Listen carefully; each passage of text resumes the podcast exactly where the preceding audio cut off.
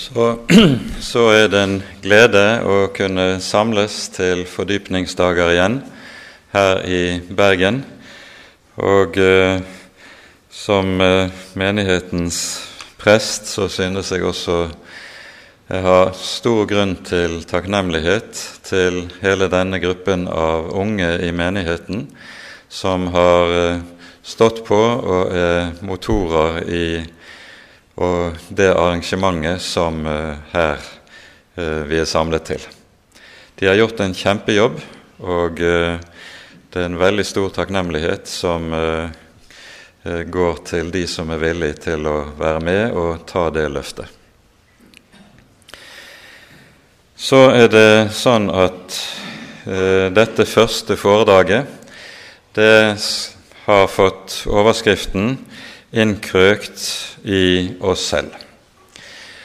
Eh, med det så hører vi et uttrykk som Luther anvender i en rekke sammenhenger for å beskrive hva det vil si at mennesket er en fallen skapning.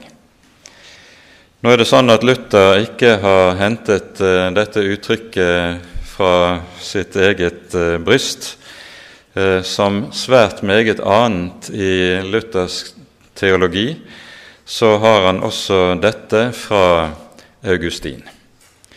Augustin hadde jo et veldig oppgjør på eh, begynnelsen av 400-tallet med den irske munken Pelagius, som eh, kom til Roma og forkynte en lære som bar i seg gjerningsrettferdighet. Og Augustins kampskrifter mot Pelagius kom til å få en veldig betydning for Luther, også i hans eh, erkjennelse av hva evangeliet er, hva evangeliet om rettferdiggjørelsen er. Så også dette uttrykket at mennesket er innkrøkt i seg selv, det er hentet fra Augustin. Cor incurvatus in se, skriver Augustin, for de som er glad i latinen. Det er ikke så mange i dag lenger som er det. Men eh, det er altså en beskrivelse av menneskets hjerte. Som dere har sett i programfolderen, så eh, er utgangspunktet for årets fordypningsdager først og fremst Luthers skrift fra 1525 om den trellbundne vilje. Og Jeg skal kanskje ganske kort si noen få ord om det skriftet før vi går inn i selve tematikken. Luther regnet selv dette skriftet som kanskje det beste han hadde skrevet.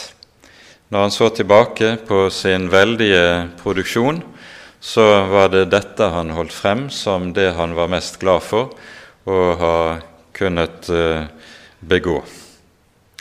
Skriftet eh, var ferdig høsten 1525 og kom som et svarskrift på eh, et stridsskrift, hvis du kan kalle det det, som kom året før og var skrevet av datidens eh, fremste lærde humanist, Erasmus av Rotterdam.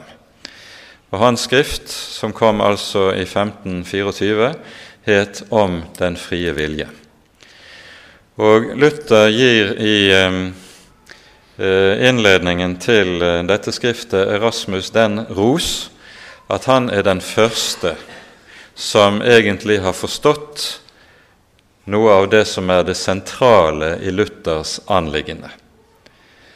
Det er svært meget av eh, den katolske polemikken som jo hadde vært mot Luther tidligere, baserte seg på at en karikerte Luther og Luthers teologi, slik at angrepene mot hans teologi var jo noe som ofte ble aldeles misvisende.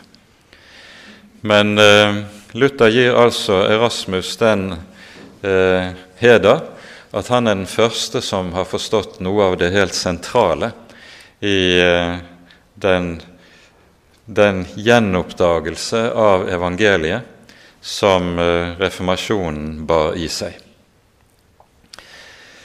Luthers skrift om den trellbundne vilje det er et overmåte rikt skrift, som berører så å si alle sentrale områder i teologien.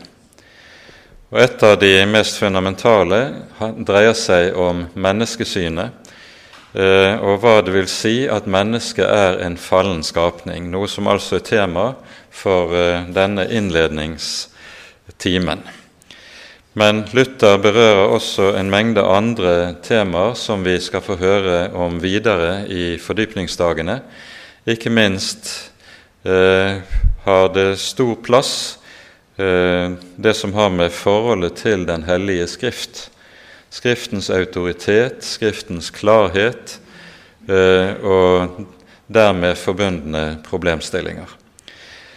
Luther behandler dette meget inngående og eh, hans skrift har da også i ettertid vært gjenstand for tallrike doktorarbeider som har sett på ulike sider ved det.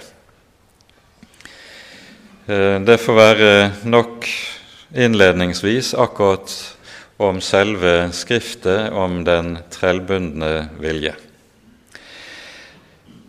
Eh, her i kveld så har jeg lyst til imidlertid å ta utgangspunkt i et annet skrift fra Luthers hånd, som kom i 1536.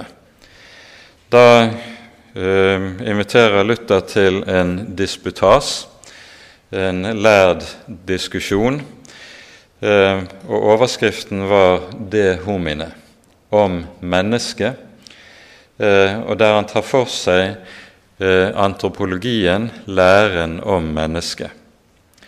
Disputasen, Invitasjonen til disputasen den kommer med 40 teser. De 19 første tesene handler om det filosofiske eh, synet på mennesket, som jo eh, da rammes ikke minst av skolastikkens teologi. Vi kommer tilbake til det mens de siste tesene fra tese 20 til og med tese 40 eh, gir et teologisk menneskesyn, ikke et filosofisk menneskesyn. Og Det som er særegent ved eh, disse tesene, det er at de faller sammen med at Luther året før i 1535 har begynt på sin gjennomgang av Første Mosebok. Denne gjennomgangen kommer til å vare i hele ti år. Eh, og Kommentaren til Første Mosebok er meget inngående og eh, omfatter mange bind, slik at nettopp i disse to årene 1535-1536 arbeidet han meget med Bibelens skapelsesberetning og syndefallsberetningen. Og eh, her er det nettopp avgjørende å være oppmerksom på dette at Luther i hele sitt arbeid, i hele sin teologi, så er han bibelutlegger. Han arbeider først og fremst med bibeltekstene, og i denne disputasen De homine om mennesket, der er det den bibelske tenkning rundt hvem mennesket er, både som skapt av Gud og som fallen skapning, som han eh, arbeider med. I den middelalderske skolastikken, som Luther vender seg mot i disse tesene, så defineres mennesket filosofisk og metafysisk. En, noe som er særlig viktig i skolatistikkens skolastikkens måte å arbeide med menneskesynet på, er at man taler meget om menneskets vesen eller menneskets natur. Og Det Luther gjør oppmerksom på, det er at begrepet natur eller vesen det er begreper som vi ikke finner i Bibelen, ikke finner i Det nye testamentet. Det er begreper som er hentet fra gresk tenkning og filosofi, og som gjør at tenkningen om hva mennesket er, meget fort kommer til å dreie bort fra det som er det bibelske fokus. Poenget hos uh, uh, skolastikerne er at en prøver å bestemme både hva mennesket er som skapt i Guds bilde, som en vesensbestemmelse, og likeledes bestemme synden ut fra menneskets vesen. Luther tenker annerledes. For synd er ikke primært menneskelig egenskap. Synd er ødeleggelsen av gudsforholdet. Og det er helt sentralt i Luthers forståelse av hva synd er for noe. Vi skal se litt nærmere på dette. Først noen ord om eh, hvordan Luther tenker om hva mennesket er når det er skapt i Guds bilde. I Første Mosebok 1, 26 og 27 er det vi hører versene der Gud sier 'La oss skape mennesket i vårt bilde og etter vår lignelse'. Luther peker på at dette at mennesket skapes etter et særlig Guds råd, det er noe av det som setter mennesket i en særstilling i forhold til hele det øvrige skaperverk og i forhold til dyrene. Mennesket er ikke et dyr. Mennesket er nettopp fordi det er skapt etter Guds råd, og derfor etter, i Guds bilde, så er, står mennesket i en særstilling i forhold til Gud. Og Poenget med begrepet Guds bilde det er at Guds bilde ikke kan eh, beskrives som en vesensegenskap, en naturegenskap, ved det vi er. Poenget er i stedet at mennesket, hva mennesket er, det defineres av forholdet til Gud. Mennesket defineres med andre ord av noe utenfor seg selv, ikke av hva mennesket er i seg selv, for mennesket er bildet. Det er poenget. Her kunne vi kanskje i parentes bemerke noe av i forhold til det som er dagens situasjon i hele den vestlige kultur. En kultur som er blitt sekularisert, og der vi ser mennesker søke å etablere en egen identitet. Poenget hos Luther det er altså det at mennesket kan ikke defineres ut fra hva det er i seg selv men det kan kun forstås hva det er i kraft av eh, sitt forhold til Gud. Mennesket må, Hvis vi skal forstå det rett, så må mennesket forstås i kraft av noe utenfor seg selv, nemlig sin skaper. Og Det er tenkningen om gudbildeligheten. Og Da begynte jeg på å, en liten parentes om hva dette eh, gir for et perspektiv på en kultur hvor eh, mennesket søker å definere seg selv uten Gud. Det fører uvegerlig til en grunnleggende identitetsforvirring som kommer til å gjelde hele kulturen, og som vi ikke minst ser gjør seg sterkere og sterkere gjeldende i vår vestlige kultur, og der det som skjer i homofilisaken, er et symptom på nettopp denne grunnleggende identitetsforvirring, der mennesket vil skape seg selv uten Gud, tenke seg selv uten Gud. Slik Luther tenker om disse tingene, så ser han alle Bibelens utsagn om hvem mennesket er, og hva mennesket er, enten det taler om mennesket som skapning, eller om det taler om mennesket som synder, så ser, alltid, ser Bibelen alltid mennesket i dets forhold til Gud. Uttrykket i teologien for dette det er 'coram deo'. Når Bibelen taler om hva mennesket er som synder, så er det målt med Guds øyne, slik mennesket ser ut i Guds øyne. Det er det som er saken. Ehm, Og Derfor er Bibelens tale om mennesket som synder ganske annerledes enn den tale som der mennesket vurderer seg selv. Eh, da har det ganske andre normer og målestokker. Men når mennesket står overfor Gud, coram deo, da kommer det til å se helt annerledes ut. Og Dette er det som også styrer Luthers tenkning når det gjelder hele talen om eh, hva vi er skapt som i Guds bilde. Den neste teksten som Luther konsentrerer seg om, er 1. Mosebok 2,7. Der det står at Gud tok av jordens møll og formet og dannet det til det første mennesket, og så blåste han livets ånde inn i dets nese, og så står det 'mennesket ble til en levende sjel'. Og denne, Rundt denne teksten så uh, arbeider Luther en god del med spørsmålet om hva er sjel? Hva betyr begrepet sjel?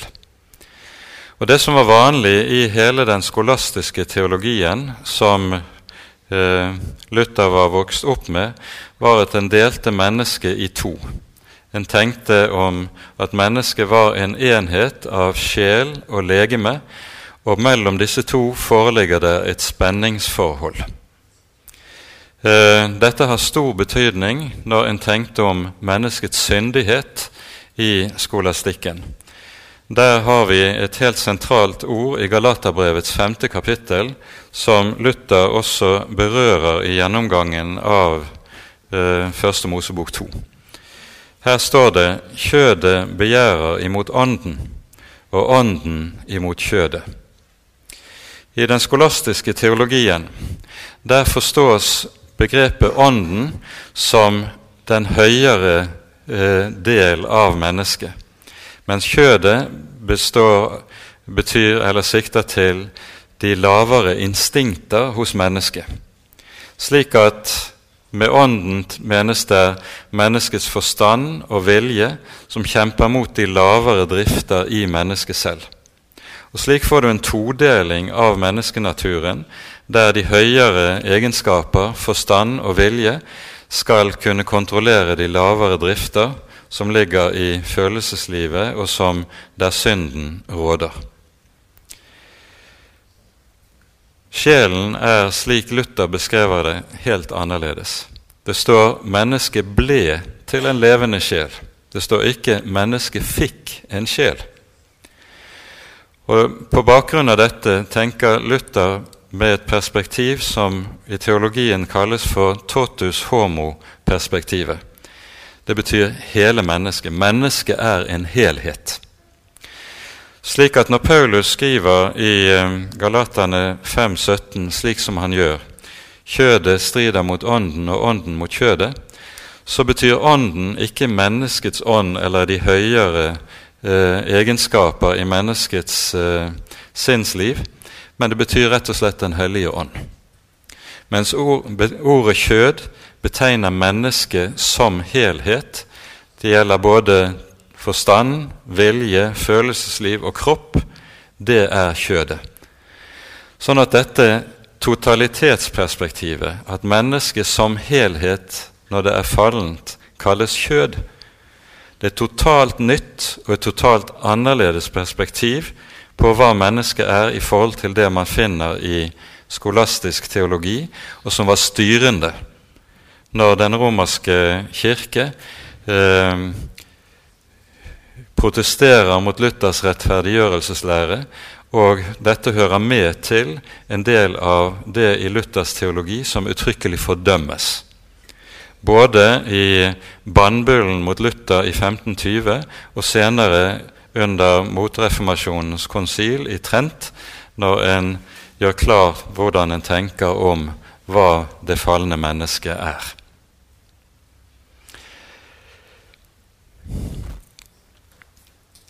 Det som er styrende hos Luther i dette, det er at når det sies at mennesket Gud tar mennesket og skaper det av en klump jord, og så blåser livets ånde i dets nese. Det er at mennesket dypest sett er et mysterium.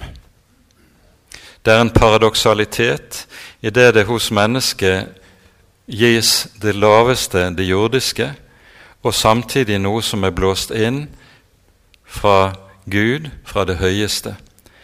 Og dette paradokset det er noe som det ikke er gitt oss å gjennomskue. Med vår tenkning, med vår vitenskap, så kan vi nok finne ut en god del om hva mennesket er når det gjelder jordklumpen. Men det at Gud har blåst sin ånde inn i mennesket, og dermed gjort at mennesket, denne jordklumpen, samtidig er Guds bilde, det gjør at det er noe ugjennomsiktig hos mennesket som vi med vår forstand ikke kan gjennomtrenge. Derfor forstår ikke mennesket dypest sett seg selv, uten at det kan forstå seg selv i møte med Gud. Og Dette er også noe av bakteppet for at Luther senere, også når han begynner å tale om fallet og synden og dens vesen, så blir også synden og dens grep om mennesket noe som er ugjennomsiktig, som mennesket dypest sett ikke kan forstå. Vi kan se de syndige handlinger, men det som ligger bak i dypet hos oss, det ser vi ikke, og det forstår vi ikke. Ehm, Luther taler i denne sammenheng om Han bruker et begrep som kalles occultissimus vitium. Det er en skjult grunnskade som ligger i mennesket, og som mennesket ikke selv er i stand til å forstå hos seg selv. Profeten Jeremia setter ord på dette i det 17. kapittel hos og i det niende verset, der det står følgende Svikefullt er hjertet, mer enn noe annet, og ulegelig sykt. Hvem kjenner det? Og så kommer det i neste vers. Jeg, Herren, ransaker hjerter og prøver nyrer. Mennesket kjenner dypest sett ikke seg selv slik det er som fallen skapning. Dette er noe som også settes rene ord på i det bekjennelsesskriftet som formuleres året etter. I 1537 så skriver Luther i Schmalkalden de såkalte schmalkaldiske artikler. Og der skriver han om dette som har med arvesynden å gjøre, følgende. Denne arvesynd er en så dyp fordervelse i naturen at ingen fornuft kan fatte den, men den må tros ut fra Skriftens åpenbaring. Poenget er hos Luther mennesket forstår ikke seg selv slik det er fremgår av Guds hånd. Det må åpenbares. Vi kjenner oss selv utelukkende i lys av åpenbaringen. Og Det samme gjelder også mennesket som fallen skapning. Vi kjenner oss selv utelukkende i lys av åpenbaringen. Fra Første Mosebok 2 og skapelsesberetningen beveger Luther seg inn i Første Moseboks tredje kapittel, syndefallsfortellingen. Og Allerede her møter vi hos Luther det som kommer til å bli nedfelt i de lutherske bekjennelsesskriftene i Augustana i artikkel 2, når det skal beskrive hva arvesynden er. Vi leser eh, i Augustana 2 følgende. følgende Likeens lærer de at alle mennesker som er forplantet på naturlig vis etter Adams fall, blir født med synd, dvs. Si, uten frykt for Gud, uten tillit til Gud og med begjær, og at denne arvelige sykdom og brist virkelig er synd som fordømmer og også nå fører med seg den evige død for dem som ikke blir gjenfødt ved dåpen og Den hellige ånd. Det som her sies i artikkel 2 i Augustana, Det kommer helt tydelig som en veldig overraskelse på de katolske teologene som eh, eh, jo skriver et svar på dette. Det er helt nytt i deres øyne. En sånn synsdefinisjon har de aldri hørt. For det som var synsdefinisjonen i skolastikken, det var at arvesynden den besto enten i en mangel nemlig at mennesket mangler den opprinnelige rettferdighet hos Gud, men at mennesket, naturen for øvrig ellers er uskadd. Altså mennesket har mistet sin opprinnelige rettferdighet, men menneskets forstand, menneskets vilje, er fortsatt i stand til å utføre det som Gud vil, fordi det, det i prinsippet er uskadd. Den andre definisjonen av hva arvesynden er, i, som du finner i skolastikken, det er at arvesynden består i ondt begjær. Og Dette er også en vesensegenskap, slik skolastikerne tenkte seg det. Um, og der det onde begjæret er noe som ligger i mennesket, men som på ny det er slik at mennesket med sin forstand og sin vilje kan motstå og heve seg over. Og Det er dette som, nettopp denne tenkning som er bakgrunnen for at Erasmus skriver som han gjør mot Luther når han skriver om den frie vilje. Det falne mennesket er, når det gjelder sin vilje, uskadd. Det falne mennesket er, når det gjelder sin forstand uskadd, og derfor er det falne mennesket også i stand til å gjøre Guds vilje i en viss utstrekning. Og dette er eh, noe av det veldige oppgjør som Luther da kommer til å få, også med synet på mennesket i forhold til romersk teologi. Når Luther utlegger syndefallsberetningen, så kommer det innledende verset til å få helt sentral betydning. Der står det 'Slangen var listigere enn alle dyr på marken'. Og så er det den kommer til Eva og sier 'Har Gud virkelig sagt?' Hva er det slangen med dette gjør? Det er at han skaper vantro. For poenget er, og dette er jo noe som er helt konsekvent hos Luther Vantro mot Guds ord, det er vantro mot Gud selv. For i Luthers måte å tenke på så er og blir et menneskes eh, gudsforhold identisk med dets forhold til Guds ord. Ødelegges forholdet til Guds ord, så ødelegges forholdet til Gud selv. Sånn at Derfor er det også slik at slangens hovedangrepspunkt nettopp er menneskets forhold til Ordet. Har Gud virkelig sagt? Så skapes vantroen. Og det er dette som gjenspeiles i bekjennelsens ord når den taler om at arvesynden betyr at mennesket er født uten frykt for Gud og uten tillit til Gud. Jesus i Johannes 16, når han eh, taler om Den hellige ånds gjerning, så sier han at Ånden skal overbevise verden om synd, rettferdighet og dom. Og så sier han om synd fordi de ikke tror på meg. Den egentlige grunnsynd er nettopp vantroen. For vantroen, hva er den? Det handler nettopp om det vi har vært inne på. Det er Guds forholdet som er, blir ødelagt. Det at mennesket er skapt i Guds bilde, det er noe som beskriver et bestemt forhold mellom mennesket og Skaperen. Og dette forhold ødelegges når tilliten ødelegges. Det er syndens grunn. Det er opphavet til alt annet som vi kaller synd.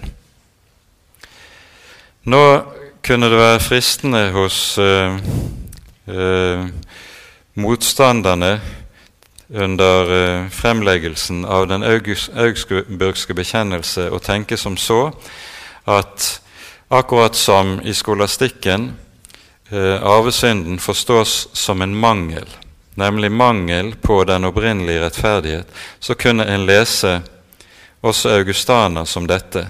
Mangel på gudsfrykt, mangel på tillit. Da er det viktig å se hvorledes den tyske teksten til bekjennelsen uttrykker seg. For den sier dette meget tydelig, hva som er ment med det som sies her. Det står i den tyske teksten eh, om mennesket Das sie alle keine wahre Gottesfurcht, kein waren Glauben von Natur haben können.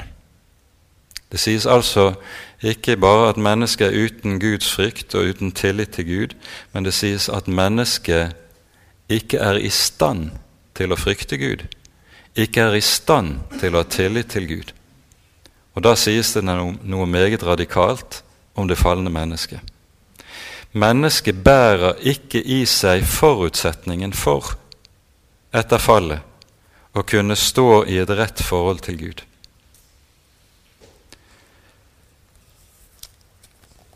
Senere i utleggelsen av syndefallsfortellingen så stanser også Luther opp for det som vi hører i det femte verset. Dere skal bli like som Gud. Og med dette så kommer vi rett inn i det som er overskriften for uh, denne timen. Synden innebærer at mennesket er innkrøkt i seg selv. For med ordene 'dere skal bli like som Gud', så skaper djevelen det vi kaller for selvhevdelsen. Mennesket er blitt en skapning som ikke lever for Guds ansikt og av sin skaper, men hevder seg selv overfor ham. Det kunne kanskje være en tanke for oss, eller en hjelpetanke for oss i dette å dra inn det grunnleggende forhold vi har mellom subjekt og objekt. Når jeg forholder meg til ulike gjenstander her i verden, så er jeg et subjekt som forholder meg til ulike objekter. Etter fallet så begynner mennesket å forholde seg også til Gud som objekt. Mens det å være skapt i Guds bilde innebærer det motsatte. Det er at det er Gud som er subjekt, og jeg er objekt for hans handling. Den alltid mottagende fra den Gud som er den alltid givende, han som er kilden. Hos deg er livets kilde. Og det gjelder både i skaperverket og i forløsningen. Det er helt avgjørende å være oppmerksom på. Det at mennesket på denne måten begynner å hevde seg selv overfor Gud, det gjør at alt som har med det vi kaller for selvlivet, kommer til å bli selve fortegnet for hva det vil si å være en synder. Vi har jo en rekke ord og uttrykk for dette i vårt eget språk. Vi skal tro på oss selv. Hvor ofte får du ikke i våre dager høre hvor viktig det er du må tro på deg selv? Vi skal gå våre egne veier. Vi søker vårt eget. Vi søker vår egen rettferdighet. Vi er selv gode. Vi er selv kloke. Vi er selv rådige. Vi er selv sikre. Livet vårt er selv valgt, og vi lever i selvhevdelse overfor den levende Gud. Egenrettferdighet, egenkjærlighet, egensindighet, egeninteresse er det som styrer det falne mennesket. Mennesket er med andre ord innkrøkt i seg selv. Og dette gjør at mennesket også i seg selv er ute av stand til å komme og bringe seg selv ut av denne situasjonen, denne tilstand. For akkurat som mennesket i skapelsen er objekt, det er Gud som skaper, gjør og virker alt, er kilde, så innebærer et gjenopprettet gudsforhold at nettopp dette gjenopprettes. Mennesket så å si settes ut av bildet, og Gud får igjen tre inn i bildet som den aktivt handlende. Det er det rettferdiggjørelsen dreier seg om. Alt mitt parkeres, det korsfestes, det dødes. Og så lever et kristent menneske på det en annen har gjort, og det en annen har utvirket. Det er hemmeligheten. Når Det nye testamentet på denne måten skal beskrive hva det falne mennesket er, så har vi en rekke sentrale ord og uttrykk som peker på dette. I Matteusevangeliets syvende kapittel taler Jesus om grenene og fruktene. Et dårlig tre kan ikke bære god frukt, og et godt tre kan ikke bære dårlig frukt. Det er et helt sentralt ord med tanke på å beskrive hva som er menneskets situasjon.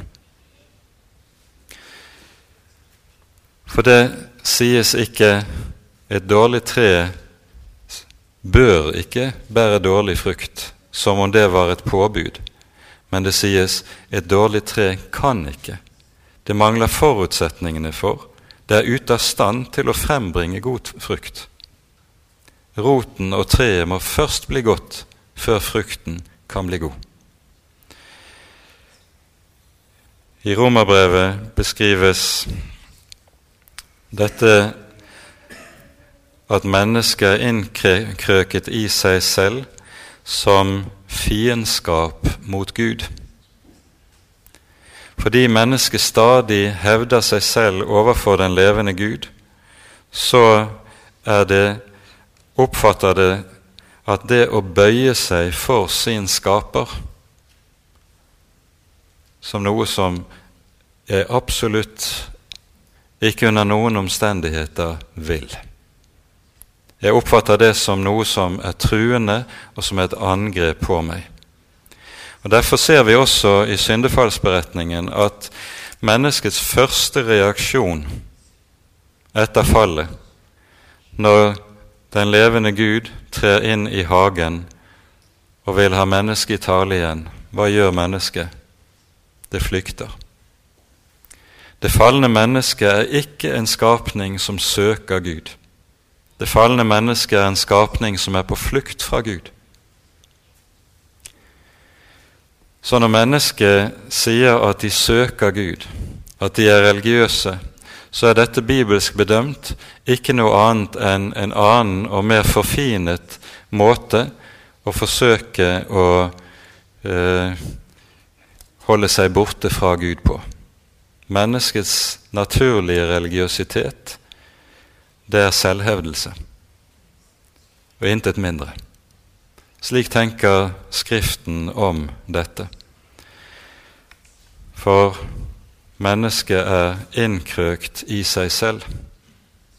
Samtidig med at mennesket på denne måten er falt bort fra sitt opphav, så bærer det i seg et veldig behov og et ubendig ønske om stadig å rettferdiggjøre egen eksistens. Symbolsk er dette uttrykt i syndefallsberetningen når Adam og Eva binder fikenbladene om seg. Man skal skjule sin skam og uh, pynte på sin nakenhet. Og menneskets trang til å rettferdiggjøre egen eksistens uten Gud kommer til syne på alle områder. Og det frykteligste som vi til tider kan bevitne i historien, er jo hvorledes mennesker kan gjøre de forferdeligste gjerninger med god samvittighet. De frykteligste overgrep som forsvares med at man kjemper for det som er rett. Hva har skjedd i Gulag, i kommunismen? Millioner på millioner av mennesker myrdet i kampen for det man mener er det rette samfunn. På ny og på ny ser vi dette i historien. Mennesker gjør de frykteligste handlinger med god samvittighet og rettferdiggjør det. Dette er synden. For egenrettferdigheten hører uløselig sammen med dette at mennesket er innkrøkt i seg selv. Derfor er det også slik at sammen med dette hører alltid også løgn. Mennesket lyver. I salmene, i salme 62 lyder det 'Hvert menneske er en løgner'. Løgnen kom inn allerede med slangens 'Har Gud virkelig sagt?' Og er blitt en grunnleggende side ved menneskets natur. Sannheten og lyset det er noe som det falne mennesket flyr fra. Mennesket lyver ikke minst for seg selv. Egenrettferdigheten er en særegen form for løgn.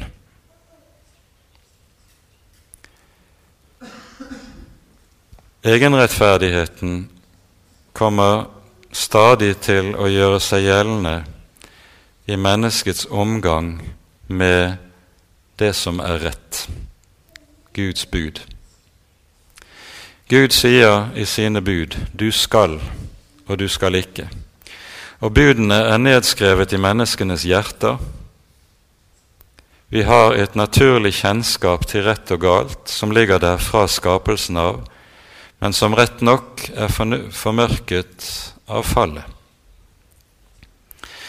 Og Sammen med løgnen som ligger i menneskets hjerte, så ligger dette selvbedrag som sier, og som allerede Luther også ble møtt med meget kraftig av Erasmus. Når Gud har befalt og gitt sine bud, da er det en selvfølge at mennesket også kan oppfylle disse bud, bare det selv vil. For ellers ville det jo være den største ufornuft og det største bedrag at Gud gir slike bud, hvis mennesket ikke skulle være i stand til å oppfylle dem. Selvrettferdighetens bedrag innebærer med andre ord at mennesket også kommer til å tenke om seg selv hvis jeg bare vil, så er jeg også i stand til å oppfylle Guds bud, Guds krav og Guds vilje. Det høres fornuftig ut. Erasmus eh, argumenterer for dette med stor eh, dyktighet, og Luther gir han ros for det, selv om han ironiserer kraftig over ham også i deler av skriftet om den trellbundne vilje. Luther svarer til dette at når Gud gir budene, så er hensikten ikke det at mennesket skal klare å rettferdiggjøre seg selv ved dem. Det er i stedet slik at Guds bud er erkjennelsesmidler hvormed mennesket skal lære seg selv å kjenne. Vi skal snakke mer om det i morgen. Guds bud er erkjennelsesmidler hvorigjennom Gud avslører hvem mennesket faktisk er. For det falne mennesket er ikke i stand til å oppfylle disse bud, selv om det aldri så meget hadde villet. Men sannheten er at dypest sett vil det falne mennesket ikke dette. Allerede i 1520, når Luther blir bannlyst, så eh, hører vi i eh, trusselen om bannlysning som kom fra pave Leo, at det settes opp en hel liste over utsagn fra Luther som eh, eh, blir fordømt, og som han må trekke tilbake dersom han ikke vil støtes i bann. Luther svarer på dette i et skrift som heter Assertio omnium articulorum, der han tar for seg punkt for punkt av disse artiklene som kreves tilbakekalt. Og han skriver følgende om eh, allerede her. Fri vilje er ikke annet enn fantasi og innbilning. Fri vilje er et tomt ord. For poenget med hele Luther sin totus homo-tenkning, det at mennesket er en helhet, en totalitet. Det at alle sider ved den menneskelige personlighet er rammet av fallet og fallets alvor på en slik måte at også det ikke bare er menneskets følelsesliv, at mennesket lyster etter det som er syndig, men også menneskets vilje, menneskets forstand, alle de menneskelige egenskaper er underlagt syndens herredømme og er ute av stand til å si, fri seg fra dette, si seg løs fra dette på egen hånd. Det er noe som må skje utenfra, ved at mennesket på ny blir passivt objekt og gjenstand for den levende Gud. Et av de sentrale uttrykk i Det nye testamentet, slik jeg ser det, for Jesus sin frihet, finner vi i Johannesevangeliets femte kapittel der Jesus to ganger sier Menneskesønnen kan ikke gjøre noe av seg selv. Det at mennesket er innkrøkt i seg selv ved fallet, innebærer nettopp at mennesket stadig søker å gjøre noe av seg selv. Mens Jesus som den eneste som er hellig og syndfri, nettopp aldri gjør noe av seg selv. Han er den som har sin kilde hos Faderen. Og slik blir han den som legemliggjør i sin person hva mennesket skulle være fra opprinnelsen, fra skapelsen. I Kristi person ser du Guds bilde. Det bildet som ikke er ødelagt av fallet, det som ikke på noen måte er skjemmet av synden. Og til denne Kristi syndfrihet hører altså dette grunnleggende han gjorde aldri noe av seg selv. Der har vi kanskje noe av den skarpeste motsetning til dette at det falne mennesket, det er innkrøkt i seg selv. Og Derfor er det også slik at selve frelsen består i det at vi blir befridd fra det vi er i oss selv. Det skjer ved at Gud i frelsen korsfester og døder det gamle mennesket, og så oppreiser et nytt menneske som er i Kristus, ikke i seg selv. Men mer om det de neste dagene under fordypningsdagene. Med dette setter vi punktum for denne timen. Ære være Faderen og Sønnen og Den hellige ånd, som var og er og være skal, en sann Gud, høylovet i evighet. Amen.